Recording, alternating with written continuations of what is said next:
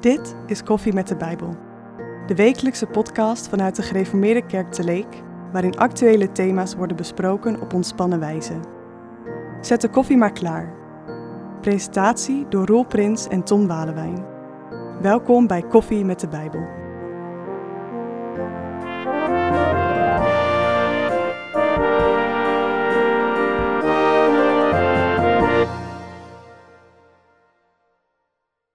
Vandaag is de gast Sita Hofstra. Zij is sinds december 2021 predikant in de Hoeksteen, of PGLO, hoe u het wil, en is daar collega van Ernst van Gulik. Sita is als predikant begonnen in 1994 in de hervormde gemeente van Lange Zwaag in combinatie met Lippenhuizen-Hemrik, hele mond vol. En daarna heeft ze gediend, eh, gediend in Riepstjerk, Leeuwarden, Sumar en nu dus in Leek. Ze mocht eindelijk Friesland uit. Daarnaast is ze ook eh, trainer en voorlichter geweest eh, bij de Friese werkgroep Kerk en Seksueel Misbruik. En tot op heden is ze ook begeleider bij christelijke medi- meditatie bij Vakaren. Daarnaast, Sita, heb je theologie gestudeerd in Groningen. En in de loop van de tijd een hoop bijgeleerd. Allerlei cursussen en opleidingen. Meest recent een opleiding Bibliodrama. Waar we ook eh, zometeen meer over zullen horen. Zeker. Maar allereerst van harte welkom bij Koffie met de Bijbel. Leuk Dankjewel. dat je bent. Ja, Dankjewel. Welkom. Ja, leuk om hier te zijn. Ja, leuk om kennis te maken. Ja. Want je bent hier dus nog maar, nog maar net, hè? Eh, twee, drie maand. Ja, ik ben nog aan het landen. eh, ja, precies. Ja, Dat kun je wel zeggen. Ik ben Ja. eh, druk aan het kennismaken met eh, alles en iedereen. ja. Ja. Zeker. Ja, mooi. Ja. Ook leuk om nu eh, hier bij jullie te gast Ja, te zijn. ja. Ja.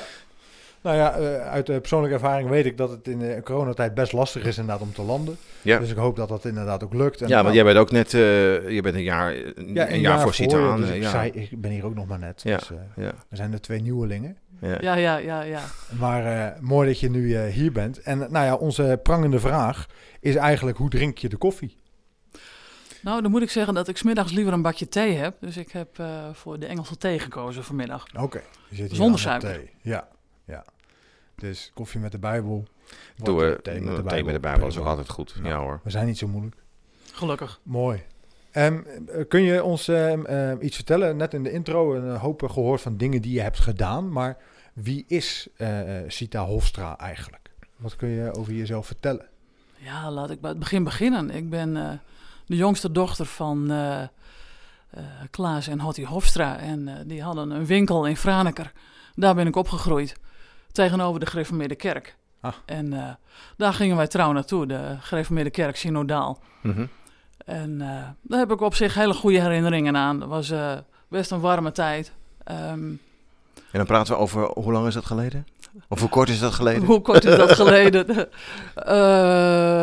Ja, wanneer groeide ik op? Ehm, ik ben geboren in 1965, dus, wanneer, dus tot, tot eh, 1983 heb ik in Franeker Ah, gewoond. oké. Ja, ja, ja. En toen ben je daarna theologie gaan studeren. Eh, toen ben ik daarna een jaar naar de Verenigde Staten gegaan. Ik wist eigenlijk niet zo goed wat ik wilde. Nee. En ehm, een vriend van mij deed dat ook. En ik dacht, ja, dat is eigenlijk wel een goed idee. Laat ik mijn horizon eh, wat verbreden en eens wat eh, gaan nadenken. En zo kwam ik in Indiana terecht, midden in de Verenigde Staten. Ja. En daar heb ik een jaar eh, de high school gevolgd. En ik ging met mijn gastgezin naar eh, de Southern Baptist Church. Een eh, behoorlijk strenge kerk. Ehm, wel een hele warme gemeenschap, maar ook wel ehm, heel fanatiek in wat ze dachten en geloofden. Ehm, In wat voor zin? nou, grappig was wel, eh, ze vonden dat je niet mocht roken, want er staat in de Bijbel, gij zult niet roken op de hoogten.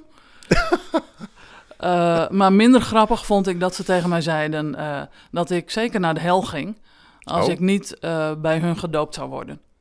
Oh, dat is echt wel radicaal. En toen dacht ik, hier moet ik even over nadenken. Ja. Ik vond dat ook wel heel vervelend om te horen. Ik was toch gewoon een meisje van 18 dat in het verre Amerika zat. Ja. Je kon toen niet zo makkelijk bellen en schrijven of facetimen. Dat was er allemaal niet. Nee. Ehm, en ik heb daar een tijd op gekoud. En eh, op een gegeven moment dacht ik van nou, dat, dit, dit leg ik naast me neer. Eh, hier, hier kan ik niet in meegaan. Ehm, dat betekende ook dat ik wat kritischer ging kijken naar wat ze verder allemaal deden. Eh, ze waren, nou ja, het oogde als een hele warme gemeenschap. Maar op een gegeven moment begon ik wel te zien dat mensen die ja, zwak in de schoenen stonden, bijvoorbeeld een vrouw die net gescheiden was, die Mhm. zich financieel ook niet kon redden, die gingen ze ondersteunen, maar dan wel op voorwaarde dat ze zich bij, die, bij de kerk voegden. Oh ja. En ja, zulke dingen meer, dat vond ik niet fris. Ehm, en ja, dat maakte dat ik eh, wat afstand ging nemen van het instituut kerk. Ja. Dus toen ik terugkwam in Nederland, dacht ik, nou, ik, eh, ik moet even niet zoveel met de kerk te maken hebben. Want dat, ik weet niet wat ik daarvoor moet denken. Als, als de kerk dat soort dingen doet, moet ik daar even, eh, even diep over nadenken of ik daar wel bij wil horen. Dus ik ging eh, informatica studeren. Dat was eh, veilig, dacht ik. Mhm. Dus eh 2 plus 2 is 4. En nou, verder geen gezeur. Hè? Ehm, maar na een paar maanden, dat, dat voldeed me helemaal niet. Nee. Dat was, eh, was toch wel saai. Ehm, ik hield van zingen en eh, een eh, lid van de, van de kerk in Groningen kwam bij mij langs en nodigde mij uit om mee te doen met het koor. Toen dacht ik, ach ja, nou waarom ook niet? Ik, ik ga meedoen met het koor. Daar leerde ik wat mensen kennen en daar voelde ik me ook wel thuis. Ehm, en ja, dan deden we ze nu en dan mee in een kerkdienst. Hm. Nou ja, dacht ik, dat, dat kan geen kwaad. Zo nu en dan een kerkdienst, vooruit maar. Ehm, maar mijn toenmalige vriend eh, lachte mij daarom uit. En eh, die zei van, ja, nou ja, wat moet je toch in zo'n kerk, joh. Hm. Dan lezen ze uit de Bijbel, een boek met oude verhalen... waar je niks meer aan hebt tegenwoordig. En ehm, toen begon ik tegen hem te verdedigen... dat het toch best wel een heel belangrijk boek was. Ja. Eh, ik zeg, ja, nee, Horus, het is wel een oud boek, maar in wezen gaat het, eh, het gaat niet over, over, over mensen van vroeger. Het gaat over mensen van nu. Ja. Het gaat nog steeds over eh, wat God met mensen doet, ook Ja. vandaag de dag. ja. Dus je was zeg maar wel bij de kerk wat weggedreven, maar bij de Bijbel, bij God niet, of veel minder. Dat ontdekte ik toen inderdaad. Ja. Ja. Dat ik, eh, waar het in wezen om gaat, dat, dat ik dat gewoon nog koesterde. Dat, of Ja. dat ik niet bij God weggedreven was. Nee, Nee, nee, klopt. nee. klopt. Het afstand gaan van het instituut kerk. Ja. Maar op deze manier kwam je erachter dat eh, God eh, nog hartstikke dichtbij was. Ja, ja, Ja. ja. precies, precies. En toen dacht ik ook van ja, eh, want ik had best wel eerder erover nagedacht om misschien theologie te gaan studeren. Maar toen ik zoveel moeite met het instituut eh, had, ja. dacht ik ja, nou, dan, dan, dan weet ik dat niet. Is dat, Dat- niet echt dat- voor de hand? Nee. ligt het Nee. niet zo voor de hand, Nee. nee. Maar toen ik, ja, ik ging er toen veel meer bij nadenken van ja, die Bijbel is, is mij dierbaar. En het verhaal van, van hoe God met mensen omgaat, daar, daar wil ik toch iets mee. Ja. Dat laat mij niet los. Mhm. Ehm, dus toen ben ik bij het studentenpastoraat wat gaan informeren. En de studentenpastor eh, die zei van nee, maar eh, mensen zoals jij hebben we hard nodig. En, en ehm, het geeft niks dat je allerlei vragen stelt. Dat is prima. Dat kunnen we wel hebben in, in de kerk. En eh, God kan dat zeker hebben. Die is Mhm. niet bang voor vragen. Mhm. Dus toen dacht ik, oh, oh oké. Ja. Nou, dan, eh, dan eh, gaan we het avontuur maar aan. Ja. Ja. En En zo de is het rest- gekomen. Ja, en de Ja. rest is dan geschiedenis, Ja. zoals ze zeggen. Ja. de rest is geschiedenis. Ja. Hou je dan zeg het. maar ook als je dan predikant bent ehm, altijd iets van een, een wat kritische kijk op de kerk? Door je ervaringen? Ik denk wel dat ik, dat ik veel begrip heb voor mensen die eh, ehm, gekwetst geraakt zijn door eh, hele harde uitlatingen of Ja. door eh, uitsluitingsmechanismen. Ja, Ja. De, ik, ik denk dat ik daar altijd gevoelig voor gebleven ben. Ja. Ja. Ook, een, ook een beetje... Ja, dat, je, je hebt dan de neiging om voor ze op te komen. Of, of eh, wil je dat? Ja, de neiging voor ze op te komen. Of in elk geval eh, een of kritische noot. jezelf? kritische noot te plaatsen van, van nou, hè, de meeste mensen denken zo, maar Ja. je kunt er ook zo tegenaan kijken. Ja. En Ja. eh, wie zal zeggen wat, wat, wat de juiste blik is? Ja. Hè? Ja. Maar ben je ook dan kritisch op jezelf? Op hoe je dan zelf, eh, eh, bijvoorbeeld uitspraken die je zelf doet, of, of eh, wat je zelf uitstraalt als, als voorganger in een kerk? Mm, eh, ja, misschien zou ik daar nog kritischer op moeten zijn. Dat Ja. zou best eens kunnen. Ehm, ja, het is altijd makkelijker om eh, een scherpe blik op de ander te hebben dan op jezelf. Hè? Ja. Dus ik denk Ja. dat ik op mezelf ook wel weer een blinde vlek heb. eh. Ja. ja. Maar, maar ik, ik hoor toch wel uit wat je zegt, een, een, een nou, grote bewogenheid met mensen. Hoewel je dus hè, in, in- je geschiedenis je bent eh, eh, afgeknapt op het instituut kerk en je theologie bent gaan studeren vanwege je voorliefde voor de Bijbel, Mhm, hoor mhm. ik ook een hele grote liefde voor, voor je medemens. Waarom je misschien ook wel dan ook uiteindelijk dominee bent geworden. Want ik bedoel, met liefde voor Bijbelverhalen had je ook gewoon ja, de wetenschap in kunnen gaan. Dat ik ook literatuurwetenschap kunnen gaan studeren. ja. Ja, nee, dus uiteindelijk gaat het me dan ook wel om ja, wat het goede nieuws van, van, van God voor de mensen is. En hoe, hoe dat mensen in beweging kan, kan brengen. Ja. Ja. Ja. Ja. Dat, is je, dat is je motivatie, dat is je drive om, Ja.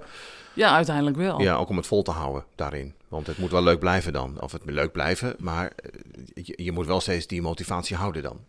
Ja, dat is, dat is ook altijd wel weer de richting waar ik, Ja. waar ik zelf naartoe ga om, Ja. om gemotiveerd te blijven. Precies, Eh, ja. ja. Ja. Ja. Ja. Ah, mooi. Ja. Mooi om te En horen herkenbaar. inderdaad zo. Heel Ja. herkenbaar ook, vind ik. Ja. Gewoon, Ja. Ik, ja. Dat, dat, ja, ik vind het heel herkenbaar dat je, dat je juist met, met een boek als de Bijbel en met, met wat God allemaal eh, vertelt en wie God is, dat je daar inderdaad ook gewoon mensen ook werkelijk eh, op, een, op een ander Ja. spoor kan zetten. Ja. Nou, wat, Ja. wat ik zelf daarin wel herken is dat als, we, eh, als je het met mensen over de Bijbel hebt, dan wordt over het algemeen een mooi en een fijn gesprek. Eh, dat is een beetje aan wie je voor je hebt. Maar als je met mensen gaat praten over de, de kerk, dan wordt Ja. het vaak eh, toch ook wel een wat negatief en kritisch gesprek. Dus dat laat ook wel heel erg zien eh, nou, welke lijn we eigenlijk vast moeten houden, namelijk de lijn van, van de blijde boodschap. Zeker. Ja, ja, ja, als je, als je met, nee, maar dat klopt, hè, dat herken Ja. ik helemaal. Als je Ja. het gesprek ingaat van, oh, wat heb je met de kerk? Nou dan, ja, Ja, Ja. ja, eh, ik, ik zeg wel vaak, God is goed, maar zijn grondpersoneel, ja, Ja. daar ontbreekt wel eens wat aan. Ja. En Ja, ja, ja, zeker. als we, als we op dat niveau blijven hangen, dan, Ja. dan, dan worden we niet zo blij met z'n Nee. allen. eh. Nee. Maar waar het aan de binnenkant om gaat, ja, Ja. Dat, dat, dat raakt mensen Ja. overal. Ja. En, en maakt dat ook dat je, dat je ehm, ehm, leg je dan makkelijker ook contact met, met bijvoorbeeld voorgangers in andere kerken? Of sowieso eh, vind je dat belangrijk dat kerken eh, samenwerken, eh, eh, dat kerken eh, samen optrekken? Of heb je dan juist ook weer iets van, ja, nou, hm, eh, het, is, het is maar het instituut. Oh, ik, ik, ben, ik ben helemaal niet meer zo eh wraakzuchtig op het instituut, hoor. Dat moet je Nee. niet denken. Eh, ehm, Nee, maar toch een bepaalde gevoeligheid daar wel voor houden misschien. Over hoe de kerk, zeg maar, soms kan overkomen. nou, misschien, of- misschien of- kun je dat terugzien in, in mijn werk voor eh, wat, je- wat jij net aan het begin noemde. ehm, aan mijn werk eh, voor mensen die te maken gehad hebben met seksueel misbruik. Ja. En ook eh, eh, de laatste jaren dan voor mensen die te maken gehad hebben met seksueel misbruik binnen de kerk. Oh ja. Ja, dat, dat vind ik wel een heel pijnlijk punt. Dat het, eh, het, dat, het doet zich voor in alle sectoren van de maatschappij. Dat weten we tegenwoordig. Ja. In de krant eh, staat het ook steeds. Ehm, maar dat, dat vind ik heel pijnlijk. En ja, daar probeer ik me voor in te zetten dat die mensen ook ja, toch binnen de kerk eh, iets van veiligheid mogen ervaren. Ja. Ja. Ja. Dus, dus als, ik, als ik het eh, goed samenvat, Sita Hofstra is een predikant met een eh, eh, groot hart voor het woord van de Heer en met veel liefde voor de mensen.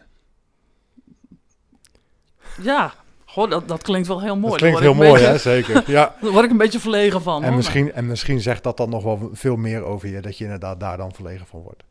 We gaan er even eh, tussenuit om eh, zometeen na de break ook met elkaar nog wat verder na te denken over Bijbelverhalen, onder andere je favorieten.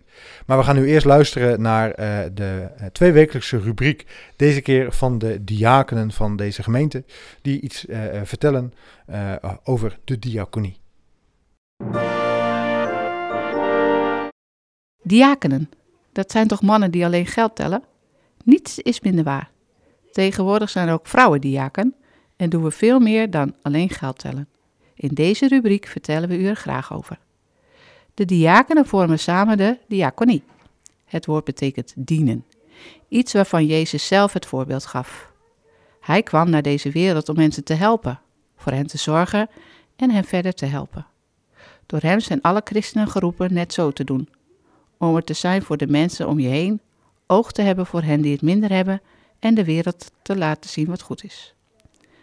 Dat is natuurlijk niet iets dat je zomaar doet. Vandaar dat er in de kerk diakenen zijn aangesteld. Niet om het werk uit handen te nemen, maar juist om erbij te helpen. Te stimuleren, aan te moedigen en toe te rusten. En juist dat is wat ons als diakenen aanspreekt. Om vernieuwing in de gemeente te brengen, om in gesprek te gaan met mensen en het liefhebben in daden om te zetten. Waar moet je concreet aan denken? Nou, dat je mensen tegenkomt en hen praktisch helpt.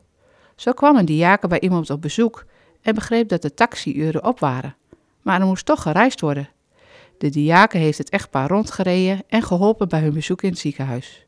Zo kon de diaken deze mensen dienen. Andere voorbeelden zijn in gesprek gaan als mensen in de knoop zitten, zorg hebben of financieel in een lastig pakket zitten. Maar ook in gesprek gaan om mensen in beweging te krijgen, aan te sporen net zo te doen. De diakenen proberen anderen mee te krijgen in het dienen, delen en doen. Er zijn zoveel manieren waarop dat kan, dus help mee, doe mee, bid mee. De diaconie is er voor iedereen die hulp wil bieden en hulp nodig heeft. Of je nu lid bent van de gemeente of juist helemaal niet. In deze podcast willen we jullie elke twee weken iets vertellen over diaconale projecten, goede doelen of concrete acties. Met de uitdaging daarbij: doe mee!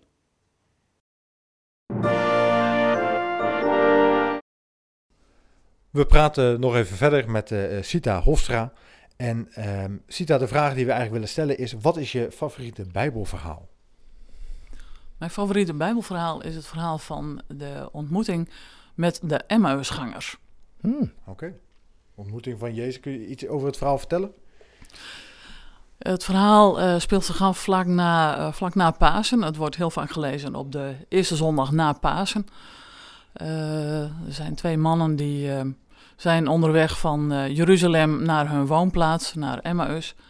En die lopen met elkaar te praten. En um, ja, ze zijn teleurgesteld, want wat, ja, wat zij opgehoopt hadden, waar ze lang naartoe geleefd hadden, dat is naar hun idee allemaal in het water gevallen en het is naar hun idee allemaal mislukt. En zo uh, lopen ze daar te somberen en dan opeens loopt er een vreemdeling met hen mee en die zegt van, goh mannen, wat, waar zitten jullie toch zo over in? En um, ja, dan blijkt, dat blijkt, Jezus, dat te blijkt zijn. Jezus te zijn. Ja. En ja, uiteindelijk, uiteindelijk gaat Jezus met hem mee naar huis. Ja. En um, Jezus uh, gebruikt bij hun de avondmaaltijd. En um, wij als lezers weten dat dan wel, dat, uh, dat Oh, hij ja. Jezus is. Ja. Maar de mannen in Emmaus, die hebben het nog steeds niet in de gaten. Nee. Uh, totdat hij als gast het brood neemt en het brood breekt en de zegen uitspreekt. En pas dan vallen hun de schillen van de ogen van, oh, Ja. hij is het zelf. Hij is het zelf. En dan, uh, ja, dan is het opeens niet meer donker. Uh, ze staan op en ze gaan terug naar Jeruzalem. Want ze zijn blij. Ze zijn blij, ze, hebben, ze, ze zien het weer. Ja. Ja. Ze zien het weer. En, en, en wat vind je dan zo mooi aan dit verhaal? Uh, het verhaal kwam voor de eerste keer heel erg bij mij binnen. Uh, toen ik dat verhaal hoorde uh, op de zondag na Pasen in 1991. Oké. Uh, toen lag mijn vader op sterven. En uh, mijn moeder was thuisgebleven bij mijn vader. En ik was naar de kerk gegaan, naar die gereformeerde kerk aan de overkant. En um, de dominee had gepreekt over de Emmausgangers. En ik kwam terug en we dronken koffie bij het bed van mijn vader. En hij kon niet zo heel veel meer zeggen. hij was zwaar afatisch. Um, maar hij kon nog wel uh, duidelijk maken dat hij wilde weten van nou, waar, waar, ging het over vanmorgen. Dus ik vertelde dit verhaal van de Emmausgangers en uh, uh, dat, um, dat de mannen dan uiteindelijk doorkrijgen van ja, maar hij, hij, hij is het zelf. Hij is, hmm. hij is opgestaan en, en wij, kunnen, wij kunnen achter hem aangaan als we, als we weer eh, de draad oppakken en als we weer eh, naar Jeruzalem gaan. Want hij, hij gaat voor ons uit. Ja. Ja. En eh, toen, toen zei mijn vader, toen, hij kon er bijna niks meer zeggen. Maar toen zei mijn vader, ja, ja, ja, zo is het. De Heer is waarlijk opgestaan. Oh, ja. Nou, ja. En hij, hij, hij was best wel somber, hè? Dat, dat, eh, jullie hebben hem niet gekend natuurlijk, maar hij was... Nou, is dat ook wel een beetje... beetje eh, met de weinige woorden die hij had terug te kijken van... Nou ja, Ja. eh, was het allemaal wel goed genoeg? Ja. en, Ja. En, en hoe heb ik mijn leven nou geleefd? Ja. En, en, dus hij was best wel een beetje... maar, maar dit deed hem heel erg goed. Ja. Van, van ja, het, maar zo is het ook. Dus van donker naar licht, zoals je dat zei, eh, Ja. dat, dat, dat, dat, dat, dat krijgt dan heel mooi vorm, zeg maar, in hoe je, hoe je vader dat dan eh, beleefde. Van het donker naar het licht. Precies, dus Ja. dat, dat, dat kreeg voor hem. Ja. een, een, een, een hele, hele duidelijke betekenis. Prachtig, van ja, ja. Ik, ik mag ook achter hem aangaan ja, naar het licht. mooi zeg. Ja. Ja. Ja. Ja. mooi. Dus, ik begrijp wel inderdaad dat daarom dit jouw favoriete Bijbelverhaal is. Maar Maar- zegt dus inderdaad ook iets over de kracht van Bijbelverhalen. Want dat is dus. eh, eh, ik denk even aan het eerste gesprekje wat we hadden. Toen jij zei van ja, maar het is niet alleen maar een boek eh, met verhalen van vroeger over mensen van toen. Het is iets wat nog steeds mensen van nu dus ook aanspreekt. En dit is daar een heel mooi voorbeeld van. Ja, precies, precies. Ja. Ja. Ja. Het gaf mijn vader op dat moment moed Ja. en kracht om ja, zijn einde onder ogen Ja. te zien en, en, en ja, vrede te vinden. Ja. Prachtige eh, Bijbelverhaal, maar volgens mij ehm, eh, vind je veel meer Bijbelverhalen heel erg mooi. Want jij hebt er ook echt iets mee met Bijbelverhalen. Kun je daar eens wat over vertellen? Ja, dat klopt. Eh, ik heb tijdens mijn studie en, en daarna eh, steeds op nieuwe manieren ontdekt hoe, ehm, hoe je als hoorder van nu eh, kunt verplaatsen in de Bijbelverhalen. En eh, hoe je daarin meegenomen kan worden in het grote verhaal van God met ons mensen. Mhm. En eh, een hele mooie manier daarin is eh, bibliodrama. Ik heb een paar jaar geleden een eh, opleiding gedaan tot begeleider van bibliodrama. En ja, dat is een hele mooie manier om, om met elkaar, als het ware, in het Bijbelverhaal te stappen. Ja, want wat is bibliodrama? Bibliodrama is een, een werkvorm die je met groepen kan doen. Ja. Waarbij je nou, een, een dagdeel lang bezig bent met een Bijbelverhaal. Eh, je bent met nou ja, tussen de acht en tien personen ongeveer. En je gaat met elkaar eh, het verhaal lezen. Ja. En dan ga je kijken van oké, welke personen komen erin voor? En eh, welk personage zou jij vandaag ja, beter willen verkennen?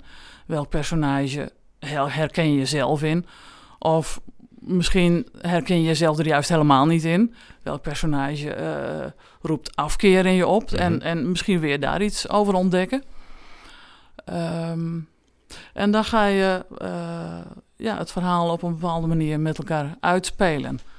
Ehm, niet als een soort van toneelstukje, maar eh, meer in de vorm van dat je ja, met al je eigen levenservaring in dat personage stapt.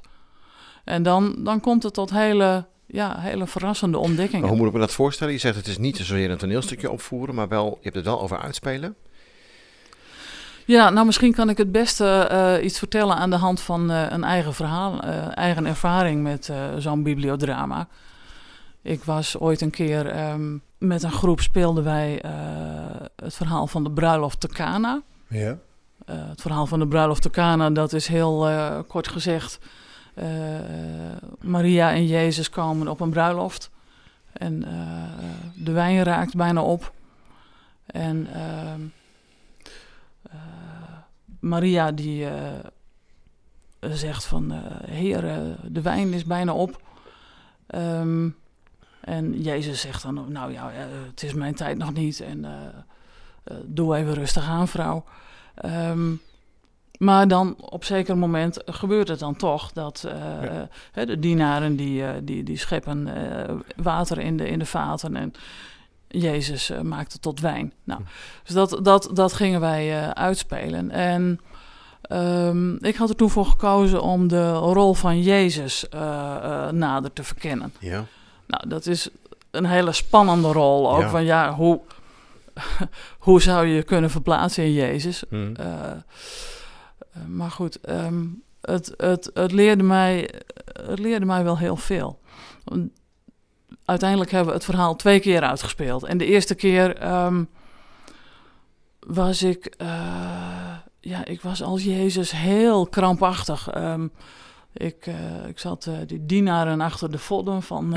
ja, dan moeten jullie wel dat, dat water in die vaten doen... want anders komt het niet goed. Dan kunnen Ja. we hier die bruiloft niet vieren. En, eh, Heel gespannen. Heel gespannen en heel eh, willen controleren. Oh ja. Mhm. En eh, de dienaren hadden daar helemaal geen zin in. Die zeiden, ja, eh eh, jij bent ook gewoon gast op deze bruiloft. Wij hoeven niet te doen wat jij, eh, wat jij vindt. Oh ja. En eh, die dienaren deden niks. Dus to- toen gebeurde er niks. Die bruiloft viel in het water. En, en hoe werkt dat dan? Jij denkt dan dat zeg maar, die dienaren, die vallen dan eigenlijk uit hun rol. Want in het verhaal zelf doen de dienaren wel wat Jezus zegt. Komt het dan door, jou, door jouw manier van... Dat, dat is de vraag. Of de dienaren uit, uit hun rol vallen. Of, of dat ik de rol van Jezus gewoon helemaal niet begrijp. Hè? Nee, precies. Dus die dienaren reageren dan anders dan in het verhaal, omdat jij hen zo op de huid zat. Precies, precies. Ja, Oké. Dus eh, op een gegeven moment is, dit, is dat eh, afgebroken. En Ja. hebben we het daarover gehad van... Goh, Ja. wat gebeurt hier nou eigenlijk? En ehm, toen kwamen we er dus op van... Ja, dit is wel een hele krampachtige Jezus. Mhm. Kan je het ook anders doen? Kan je er ook anders in staan? Dus toen dacht ik, oh ja, ja. Dus toen hebben we het opnieuw gedaan. En toen, eh, toen zei ik tegen de dienaren... Goh, weet je... ehm, ik kan geen water in al die vaten doen. Dat, dat valt buiten mijn macht. Maar als jullie dat zouden kunnen doen... Mhm. Wat in mijn macht ligt... dat is van het water wijn maken. Als jullie dat doen wat jullie kunnen... dan doe ik wat ik kan. Nou, dat, dat was een goede uitnodiging. Dus toen, toen liep het gesmeerd. Ja. Dus toen, toen werd het eh, alsnog een hele vrolijke Ja. bruiloft. Ja. Ja. Dus wat heb ik daarvan geleerd over mezelf? Ehm,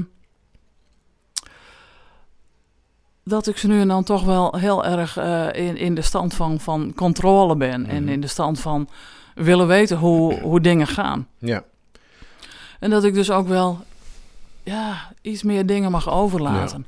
Maar, je, maar je, leert, dus- je leert dus iets over jezelf door het juist na te spelen. In contrast met Jezus in dit verhaal. Precies. Maar eh, eh, ik heb dus ook iets ontdekt over, over Jezus, denk ik. Van, Ja. ehm, oh, Jezus eh, eh, kan niet zonder ons, mensen. Nee, hij heeft die dienaren nodig. Hij heeft de dienaren nodig. Ja.